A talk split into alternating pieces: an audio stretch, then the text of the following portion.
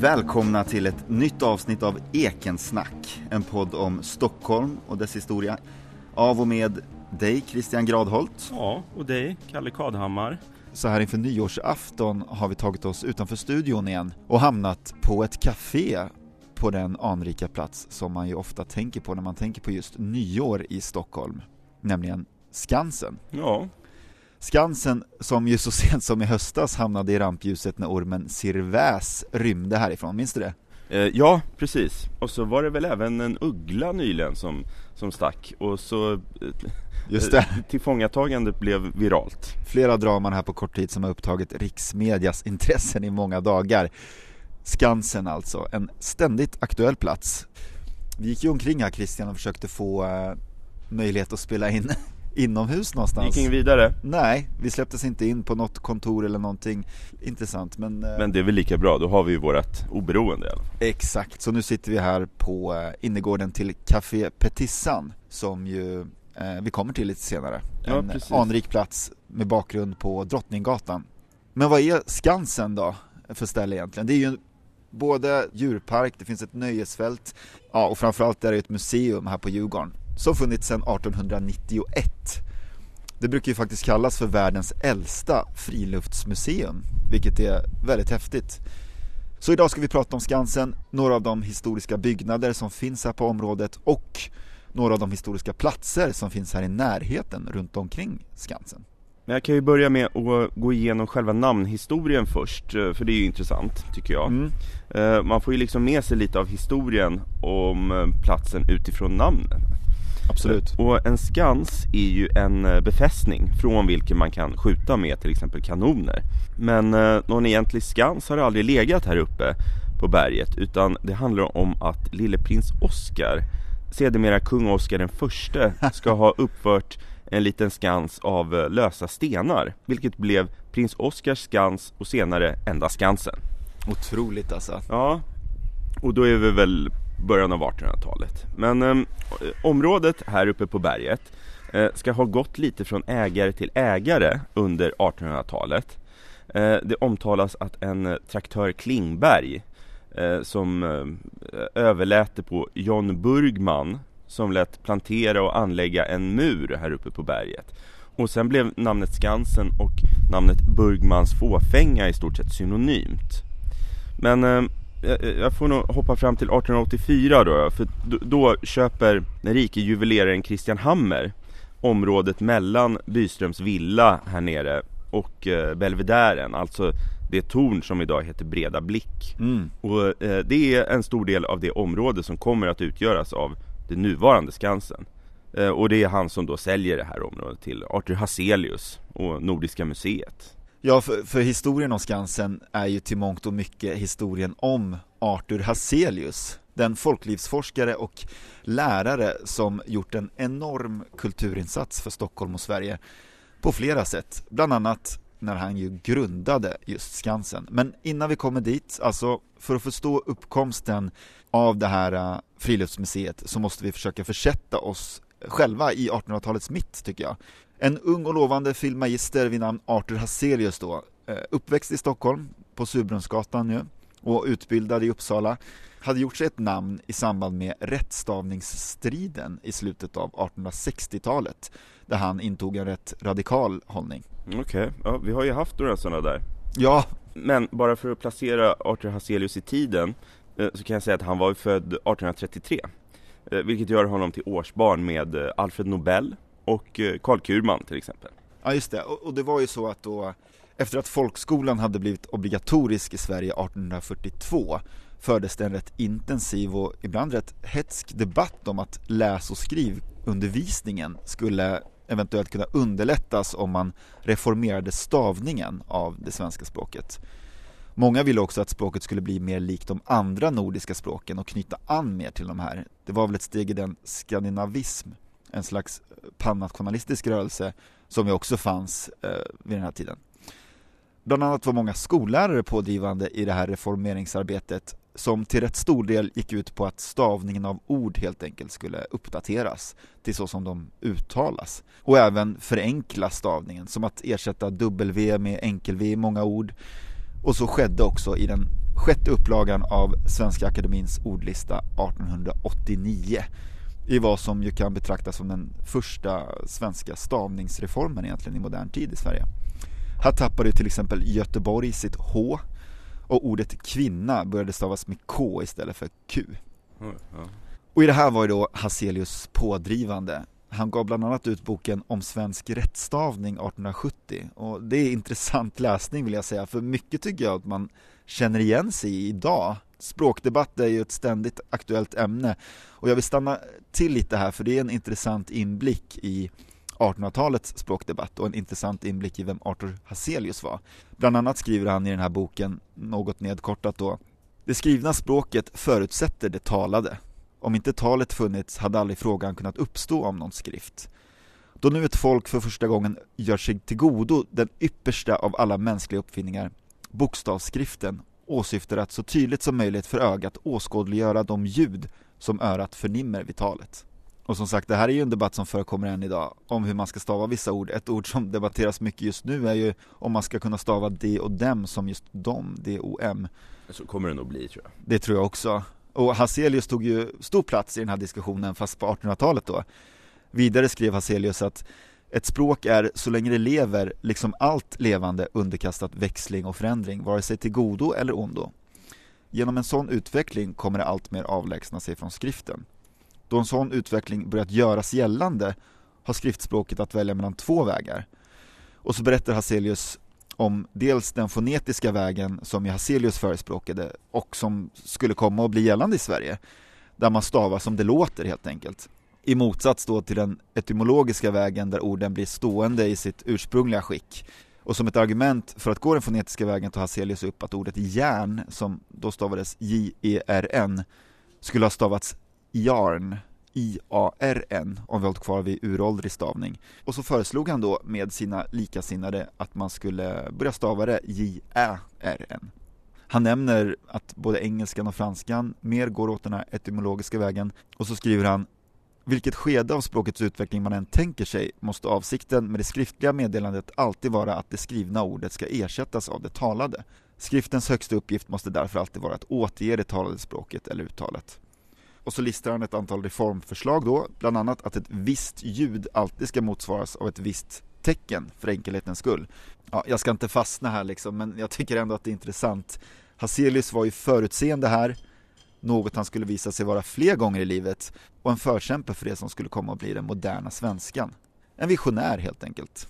Men eh, tror du att han skulle tycka att till exempel 29 ska stavas 29 som man säger eller? jag vet inte, vad tror du? Jag vet kanske inte, men alltså det är ju ändå, svenskan är nog ändå rätt svårt. Alltså när det, för att det man säger är ju sällan så som man skriver det. Verkligen, och, men vissa ord tror jag definitivt han skulle ha åsikter om idag. För vi har ju rört oss bort från hur det stavas än mer än från Hazelius tid. Ta ett ord som ljus till exempel, L-J-U-S. Där är ju L helt stumt och borde egentligen kunna tas bort. Ja. Och en detalj här då som är kul att nämna, Arthur Hazelius döptes ju faktiskt till Arthur med H. Men han valde själv att skriva om sig till Arthur utan H. I, I, sann modern anda. Det, det är därför jag hade lite krångel att hitta grejer på honom när jag researchade och skrev med H. Så, han var filmmagister, språkforskare, språkreformator, ja, kort och gott expert på det svenska språket när han också blev huvudlärare i modersmål vid Nya elementarskolan år 1861 och så vid Högre lärarinneseminariet år 1864, båda skolorna i Stockholm. Den pusselbiten har vi nu och han var ju uppenbarligen också eh, väldigt intresserad av svensk etnografi. Det hade väckts redan i barndomen. Fadern Johan August Hazelius var anhängare av göticismen som ju var en patriotisk rörelse som knöt an till Nordens forntid. Särskilt stor här under nationalromantiken och även innan dess. Han hade även spenderat sin barndoms somrar i en stuga i Tjust i Småland som han själv i vuxen ålder också återgett som ett starkt skäl till hans kärlek för svensk natur och kultur. Han skriver att i hjärtat av Tjust, i en natur typiskt, nästan idealiskt svensk, blev jag förtrogen med naturen och folket. Dessa år gav mig intryck för livet och dessa intryck stärktes ytterligare under vandringar, dels i Norrland, vars fjäll och älvar hänförde mig, dels än mer i Dalarna, där jag såsom yngling genomströvade nästan varje socken och lärde mig älska lynnet och de enkla sederna hos dess kärnfriska allmoge, bland vilken jag ända från denna tid räknar trofasta vänner. Ja, allt det här skulle tillsammans leda till att han 1873 grundade den skandinavisk-etnografiska samlingen på Drottninggatan i Davidssons paviljonger, vilket var ju embryot till det som faktiskt skulle bli Nordiska museet, som du nämnde tidigare. Men innan vi kommer dit vill jag bara nämna Författaren och kvinnosakskvinnan Ann-Margret Holmgren skrev 1928 skriften Arthur Hazelius, Nordiska museets skapare. Och i den kan man läsa ett intressant stycke. Första gången en skymt av den blivande stora skapelsen Nordiska museet framträdde för min syn var den 18 augusti 1869 då flera medlemmar av familjen Hazelius vore samlade i Uppsala på vännen Fritjof Holmgrens och mitt bröllop. Arthurs syster Jenny berättade då att Arthur hade varit i Vingåker och kommit hem med en hel hop bindmössor. Hon tyckte att ett par väl hade kunnat vara nog att gömma på för kuriositetens skull och skrattade hjärtligt åt broderns lustiga idé. Arthur sa några ord om att det kunde få betydelse att man insamlade dylikt innan det vore för alltid försvunnet. Hans tanke slog ner som en blixt i mitt sinne. Från den stunden var jag livligt intresserad för hans då ännu inte ens påbörjade verk. Det där är ett fint och sjukt intressant dokument av vår kära Hazelius som ju alltså uppenbarligen var nördigt intresserad av svensk kultur. Men det var efter ytterligare en alldeles särskild resa i Dalarna som museet på Drottninggatan skulle komma till, eller hur Christian? Eh, ja precis, eh, han var i Dalarna med sin fru Sofie eh, 1872 och där blev han varse en oroväckande utveckling som det känns nästan som det slog honom som en smocka. Va? Mm. Nämligen att den gamla allmogens kultur höll på att försvinna. Han såg det alltså. Mm. Han hade väl anat det innan va? men här såg han det. Eh, och det här är väl trots att Dalarna kunde betraktas som en konservativ bygd. Alltså precis, han hade ju varit i Dalarna många gånger under studieåren, hade massa vänner här omkring. Och det kanske också gjorde att han kände väl kanske helt enkelt ett kall att göra något. Ja, han började samla in de här föremålen då för bevarande till eftervärlden. Och det får man väl säga är otroligt framsynt och troligen också i sista sekunden. För 1800-talet eh, är ju en tid av industrialisering mm. och internationalisering och transnationalisering. Så utländska uttryck spreds ju lättare än tidigare med böcker, tidningar, tidskrifter, fotografier, järnväg, ångbåt, telegraf, telefon, grammofon och så vidare. Ja, ja, verkligen. Eh, men han ville liksom bevara den gamla svenska allmogekulturen så man kan forska om den och liksom skriva den svenska historien. Mm. Men senare så kommer man faktiskt att utvidga samlandet till föremål från alla möjliga samhällsgrupper, inte bara allmogen. Men det första föremålet som han köpte in, eh, det var en yllekjol som var en del av en folkdräkt från Stora Tuna socken i Dalarna. Så allt började med den här kjolen. För det här med lokala dräkter och klädesplagg var väl kanske något av det första som rök i den här slätstrykningen av åtminstone den västerländska världen vid den här tiden. Det var i alla fall så Arthur Hazelius uppfattade saken. Ja, och Ann-Margret Holmgren skriver vidare i sin bok Arthur Hazelius, Nordiska museets skapare, att på hösten samma år for Hazelius till Östergötland med ett litet anslag av Svenska fornminnesföreningen och upptecknade vad han fann av eh, folkdiktning. Redan 1872 i Dalarna samlade Hazelius in gamla melodier och visor. Och sen skriver hon även att i Småland fortsatte han i övrigt med samlingsarbetet med allt starkare maning att inte upphöra härmed. Men först ställde ju Hazelius faktiskt ut föremålen hemma i sin lägenhet på Kammakargatan ju. Men efter bara något år flyttade han alltså utställningen till lokaler på Drottninggatan 87 som blev omåttligt populära hos stockholmarna. Samlingarna växte snabbt så att han var tvungen att expandera verksamheten till Drottninggatan 71 innan han 1880 grundade den stiftelsen som fick namnet Nordiska museet ju. Känn dig själv var Hazelius motto för Nordiska museet, som ju faktiskt används än idag.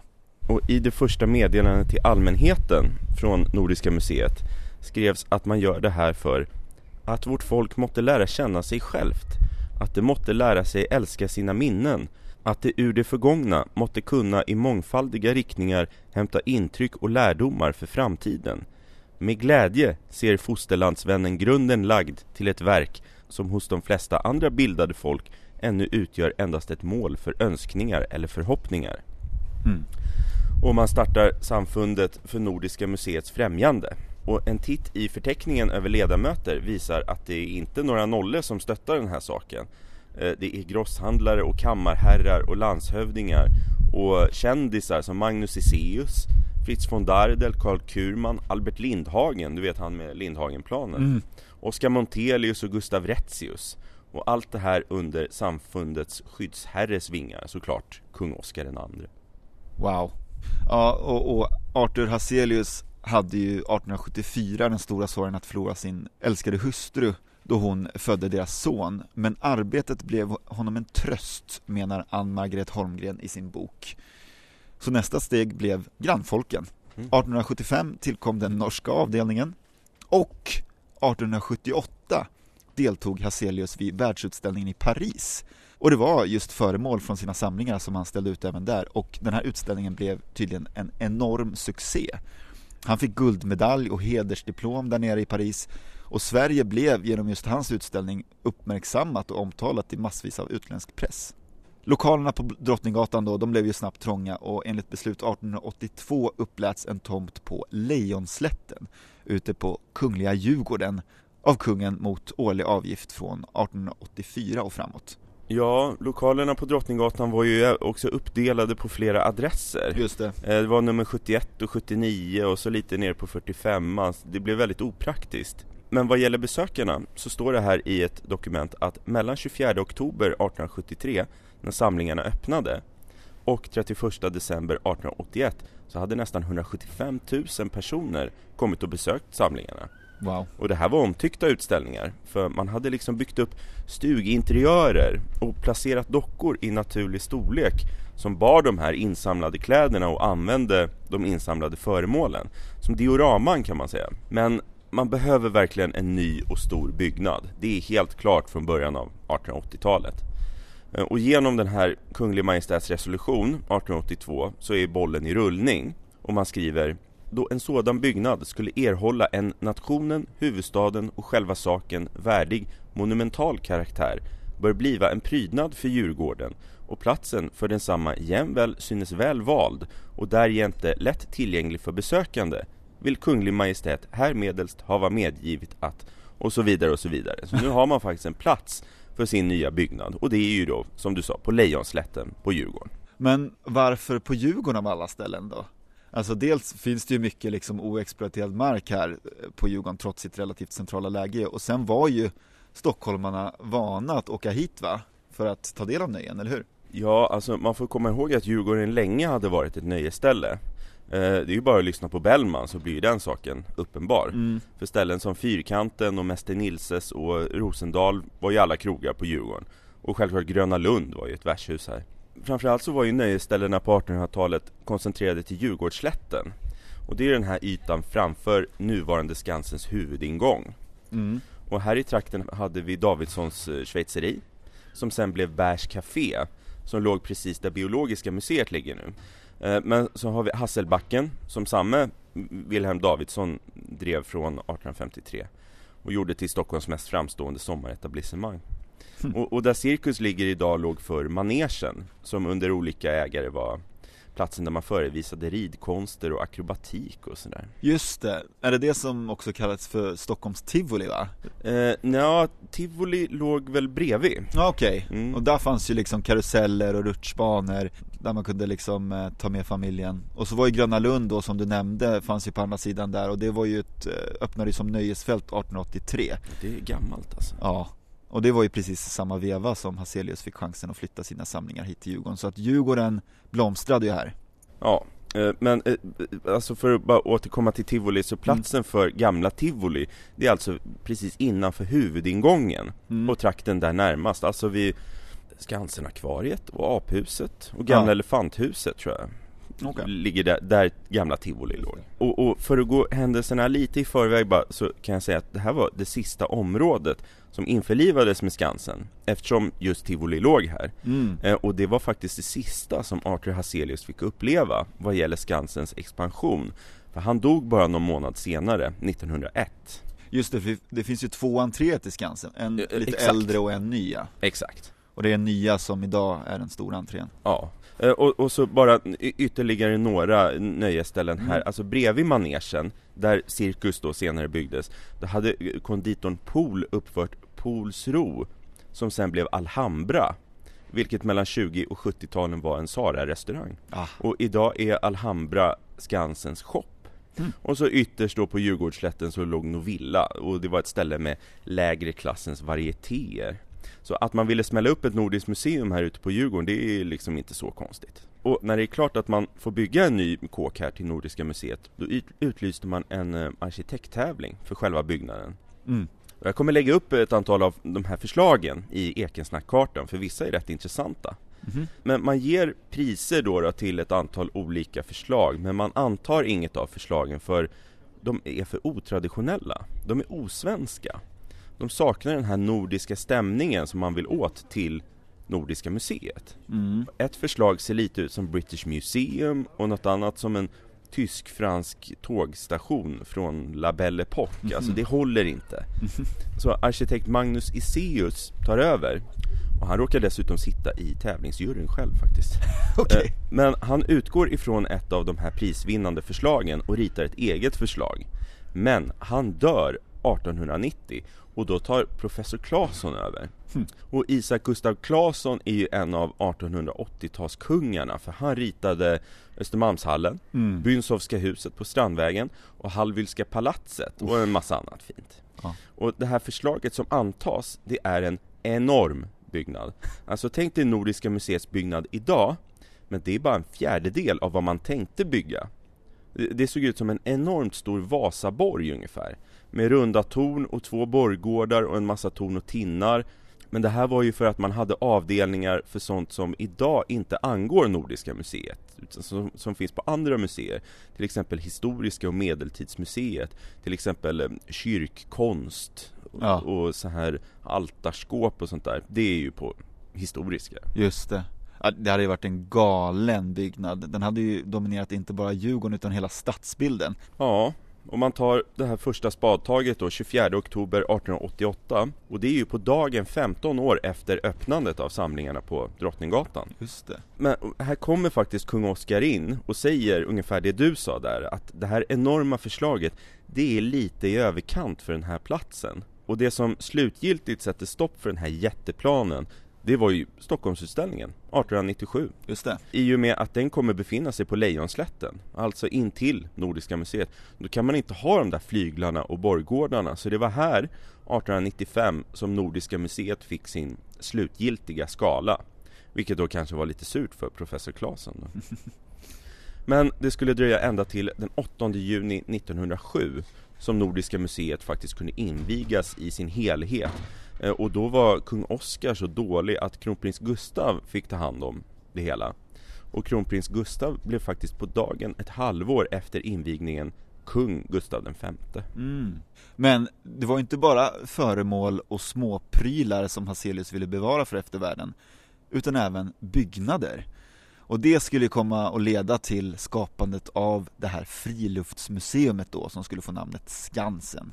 Det första området omfattade marken på Skansenberget kring Bollnästorget och Fågeldammarna med ingång via Hazeliusporten, knappt 30 000 kvadrat. Man får nog försöka förstå att Hazelius var väldigt pedagogisk. Han ville liksom inte att föremålen i samlingarna bara skulle ligga i montrar utan att de skulle förevisas i ett sammanhang. Och då vill man ju bygga upp miljöer och stugor och gårdar och lador och kåtor och smedjor och bagerier. Och det här ligger ju faktiskt i tiden. För borta vid Kungsträdgården så har vi Svenska Panoptikon. Mm. Och, och, så vid Kaptensudden så har vi Panoramat. Mm. Alltså en stor rund byggnad där man kan gå in och så är det målat runt omkring så här.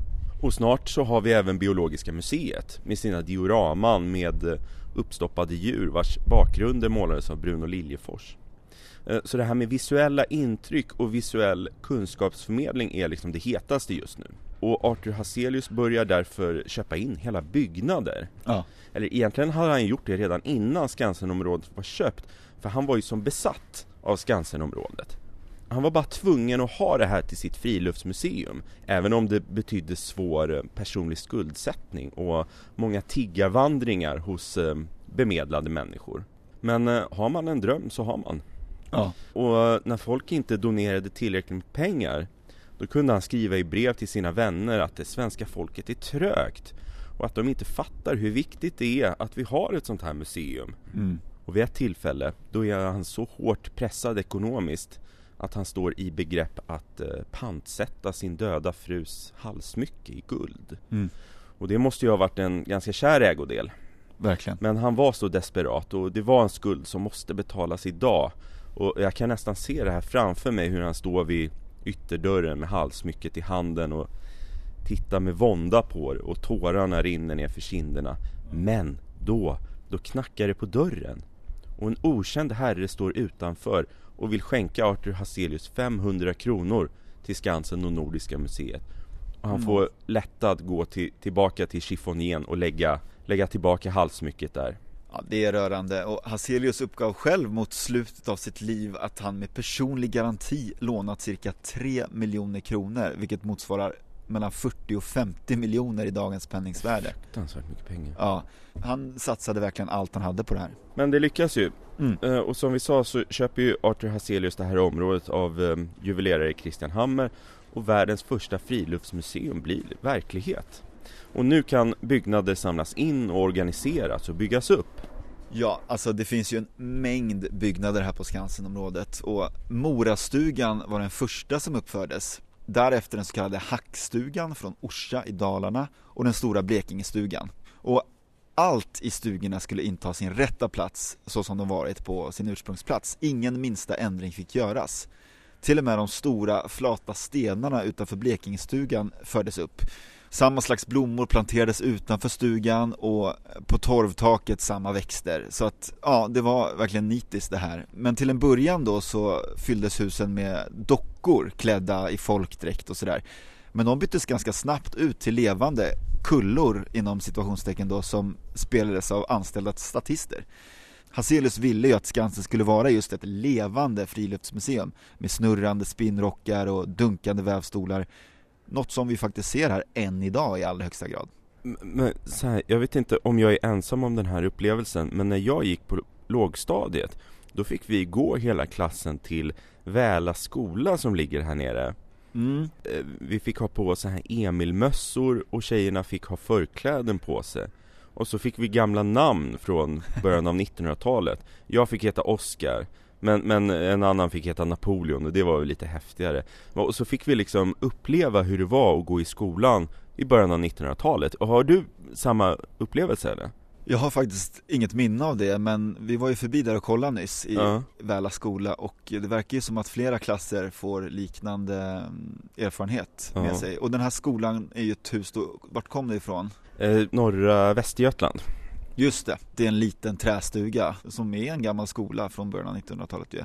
Men alltså även om man kan, kanske inte uppskattade det fullt ut som lågstadiegrabb eh, eh, Man kanske inte tog till sig den kulturhistorien som man ville förmedla Det är fortfarande ett väldigt fint minne Ja men fantastiskt och Skansen har nog gett nästan, vågar jag säga, alla Stockholmsbarn i princip eh, barndomsminnen, så gott som i alla fall. Absolut Men sen då utöver Väla skola och andra Morastugan och så vidare så har vi ju kanske lite extra relevant för just våra lyssnare det som kallas för stadskvarteren då som vi Ja, nämnde underbart. tidigare. Och där har ju Hazelius hämtat och återbyggt byggnader från olika delar av Stockholm. Och även här var ju Hazelius oerhört framsynt då. Under den stora rivningsepoken som ägde rum här i Stockholm vid sekelskiftet 1800-1900 då den äldre småhusbebyggelsen på framförallt Söder och Norrmalm fick ju vika för nya hyreshus i sten.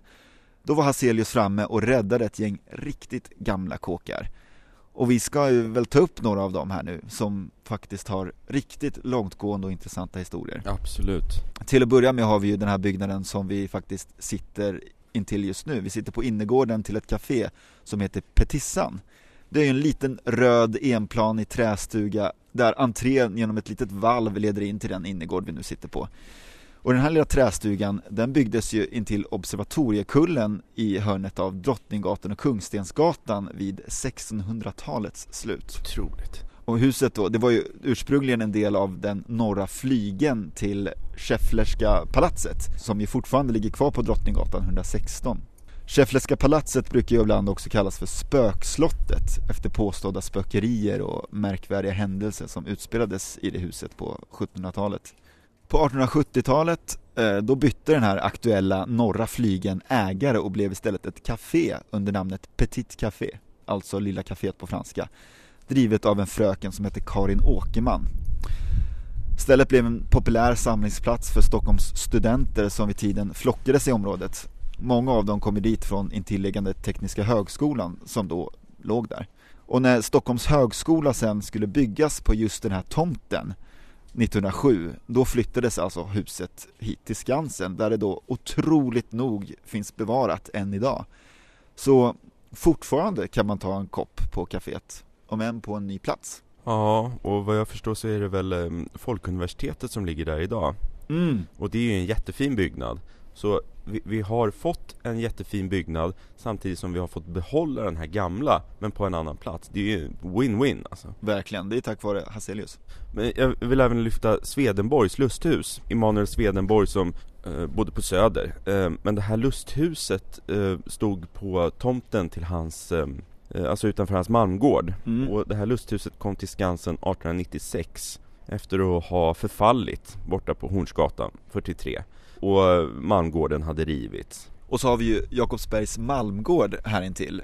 Den var ju belägen strax norr om Liljeholmsbrons norra brofäste på Södermalm i dagens kvarteret Tången och uppfördes även den i slutet av 1600-talet. Den har varit krog, kaffehus, dårstuga och även tvättinrättning.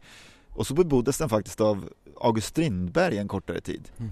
Men den flyttades då 1936 till Skansen för det skulle uppföras ett nytt bostadshus på platsen. Ja, ett underbart funkishus med biografen Flamman. Just det. Och grejen är att vid husets gamla plats där i kvarteret Tången står på gården ett stort kastanjeträd, en hästkastanj, som faktiskt fanns där även på Malmgårdens tid. Strindberg nämner faktiskt det här trädet i sin roman Stråmannen från 1891. Otroligt. Men sen kan vi även nämna Arthur Hazelius födelsehus mm. Som hämtades från Stora Surbrunnsgatan Där Hard Rock Café ligger idag mm. För då fanns ju inte Odengatan Nej eh, Men eh, byggdes i alla fall eh, ungefär 1720-tal tror jag Som en del av Henriksdals Malmgård men eh, det kom inte till Skansen förrän 1926 så Hazelius själv fick inte uppleva det här och så har vi ju Stora Gungan, ett gult trähus här i området som en gång var en del av Enskede gård, alltså vid nuvarande Sandsborg. Namnet fick den efter en sankamark, så kallat gungfly, som omgav det här huset, vilket resulterade i att marken gungade när man närmade sig husen. Under 1700-talet ska Stora Gungan ha varit ett så kallat skjutshåll för resande då, alltså på Dalarövägen, den gamla huvudvägen som gick mellan Skanstull och Dalarö. Där man kunde byta hästar och inta lite uppfriskande och stärkande dryck innan man begav sig vidare. Och Stora Gungan förekommer faktiskt i en av Fredmans epistlar, vilket tyder på att Bellman besökt stället på dess ursprungliga plats. 1808 delades fastigheten i Stora och Lilla Gungan. Den senare revs så småningom och 1969 skänktes Stora Gungan så till Skansen av Stockholms stad när man skulle bebygga det nya bostadsområdet som idag ligger på platsen. Men jag vill bara fästa uppmärksamhet på ett hus som inte finns här mm. men som åtminstone ett antal insändare i tidningar ungefär 1906-7 eh, ville skulle komma hit, nämligen Ståndrabantens gård som stod i korsningen Jungfrugatan Tyskbagargatan och som omskrivits av August Blanche det var en liten trästuga från 1600-talet med ett litet torn på. Det såg väldigt speciell ut men um, uh, huset revs och försvann. Och så har vi en byggnad här som inte är flyttad hit utan original kan man säga. Men den är ändå viktig för Stockholms historia så jag tycker vi tar upp den. Mm. Och det är Livmedikus Westfälts 115 fot höga belvedär som öppnade 1876. Och det var ju då ett uh, utsiktstorn öppet för allmänheten och man hade en overkligt vid utsikt här uppifrån. Men det kostade faktiskt 50 öre i inträde på söndagar och en hel krona på övriga dagar så det klagades för att det, det var dyrt. Tanken var först att det skulle anläggas ett sanatorium med brunnsdrickning och en Karlsbaderanläggning här, men det blev inte så. Det fick vara ett utsiktstorn helt enkelt, men med ett schweizeri på andra våningen. Dock utan spirituosa som man sa. Eh, och så fanns det en liten krocketplan och en kägelbana. Mm. I en tidning skrev man att utsikten över Norges fjällar och Schweiz glaciärer må vara mer imposant och storartad. Det ligger dock något hemskt över denna storhet som vår Herre tyckes ha skapat i sin vrede. Under det att Stockholm med sina leende omgivningar tydligen framställer sig så som ett verk av skaparens mildhet och godhet. Eh, och det här kunde man då ta del av från den här belvedären som med tillhörande tomt införlivades i Skansen 1892 och fick då namnet Breda Blick mm. efter eh, Balders boning i den nordiska mytologin. Och det här tornet ser man ju nästan över hela stan. Ja, häftigt alltså. Det måste ju ha varit den högsta utkikspunkten va, i Stockholm på den här tiden med sina 77 meter över havsytan. Ja, säkert. Synd att utsiktsvåningen högst upp inte längre är tillgänglig för allmänheten men eh, det kanske blir ändring på det, vem vet? Ja, jag hoppas jag verkligen. Jag var där uppe när jag var liten. Mm. Men du, jag vill bara flika in också apropå eh, byggnader som uppförda här i original så har vi även Röda Längan här intill. Ja. Det är ju liksom en eh, avlång länga som tillhör den bebyggelse som fanns här på berget innan Skansen anlades. Ja. Den uppfördes på 1810-talet av den här grosshandlaren John Burman eh, som bostad för hans tjänstefolk och trädgårdsarbetare. Ja. Slutligen måste jag bara nämna en lite speciell kommunikation här, nämligen bergbanan. Just det. Eh, vi har väl ett par stycken sådana och jag har även pratat om en bergbana som vi nästan hade eh, i avsnittet om Katarina hissen. Ja, Fågelvägen. Fågelvägen, ja precis. Men den här bergbanan här på Skansen, den är riktigt karismatisk. Eh, den invigdes 21 juli 1897, alltså mitt under Stockholmsutställningen. Och det måste ha varit en imponerande syn där på 1800-talets slut. En nästan 200 meter lång lutande räls som tar en 34 meter upp i luften, eller längs berget. Man stängde ju bergbanan på 50-talet men återuppäppnade den på 70-talet. Bra gjort. Bra ja, gjort. verkligen. Det får vi vara tacksamma för. För ja, det är ju faktiskt så att Skansen har ju fortsatt blomstra i generationer. Jag vill dra några hållpunkter här. Ja, kör. 1937 öppnade ju Dansbanan. Omåttligt populär har den varit genom åren och den har inspirerat dansbanor på många håll runt om i landet. Året därpå, 1938, invigdes här Europas då längsta rulltrappor. De invigdes av Gustav V och det är de som man tar där när man i passagen upp från entrén. Jaha, okej. Okay. Ja, det var de vi åkte innan ja. Mm. Och tre år tidigare, 1935, hade man startat en tradition här på området som idag den här platsen kanske är absolut mest känd för. Allsången. Absolut. Den startade redan våren 1935 när musikläraren och körledaren Sven Lilja bjöd med publiken att sjunga med i ett initiativ som snart lockade hundratusentals gäster varje sommar. Så här beskriver Ingmar Liman, före detta programchef på Skansen, fenomenet i boken om Skansen. Vid sångens dag på Skansen den 26 maj det året sjöng publiken med under ledning av musikdirektören och kantorn Sven Lilja. Nästa år engagerades Lilja för hela säsongen och programformen blev redan från början en enorm succé. Och ja, traditionen fortsatte och man började radiosända Allsången från Skansen redan 1957. Och sen 1974, ja då började ju SVT sända ett idag rätt populärt tv-program på samma tema med Bosse Larsson som programledare. Signaturmelodin var ju från början Sjung med, sjung med per television så blir vi enad nation Skriven av Bengt Hasslum Men den byttes till Stockholm i mitt hjärta Skriven av Lasse Berghagen när han tog över programledarskapet 94 och apropå just det här med allsång kan det vara intressant att påminna sig om att Skansen ju haft en väldigt stor och viktig inverkan på flera av våra svenska traditioner utöver allsången då. Det arrangeras ju omåttligt populära valborgs och midsommarfiranden här på Skansen varje år. Redan 1901 kunde man läsa en entusiastisk skildring i Stockholms Dagblad av den nyss firade valborgsmässoaftonen på Skansen som slutar med ett PS efter klockan tre i natt telefonerade Dr. Hazelius att antalet besökare var icke mindre än 22 000 personer. Det största som Skansen kunnat anteckna. Det är mycket folk alltså. Och eh, under 1900-talet började ju också Lucia-tåg anordnas på Skansen. 1973 sen inleddes ett samarbete med veckotidningen Året Runt där Lucia kröntes varje år på Skansen. På den här tiden var det ju så att Lucias utseende var väldigt mycket i fokus eh, och det var ju på sätt och vis mer eller mindre en skönhetstävling. Det här har ju liksom skiftat fokus under åren och det handlade ju senare om att Lucia skulle kunna sjunga också. Men, eh, och den här traditionen finns ju inte längre kvar men Lucia-firandet är ju en självklar del av julen för alla svenskar. Mycket tack vare Skansen faktiskt. Ja, verkligen. Och kring adventshelgerna som vi nyss passerat skiner ju Skansen upp lite extra. Här har det anordnats en populär julmarknad ända sedan 1903 eh, och den pågår än i våra dagar. Och just vid nyår Christian firas ju här rejält på Skansen.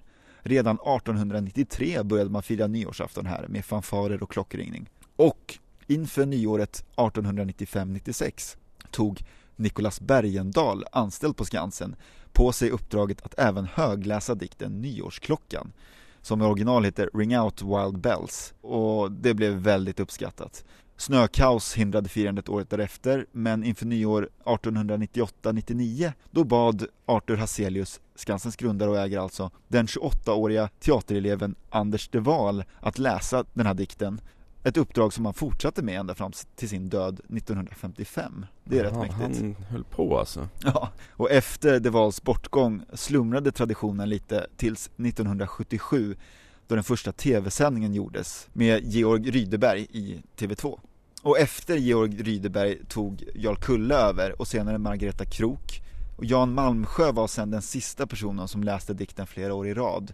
Från 2014 läses ju dikten av olika personer varje år. Och i år ska ju Lena Olin läsa dikten. Jaha. Så det är ju en häftig plats där, Skansen, som är betydelsefull för hela Sverige. Men inte bara i Sverige, det blev nämligen också internationellt uppmärksammat tidigt och en inspirationskälla utomlands. För samma industrialisering skedde ju över hela Europa.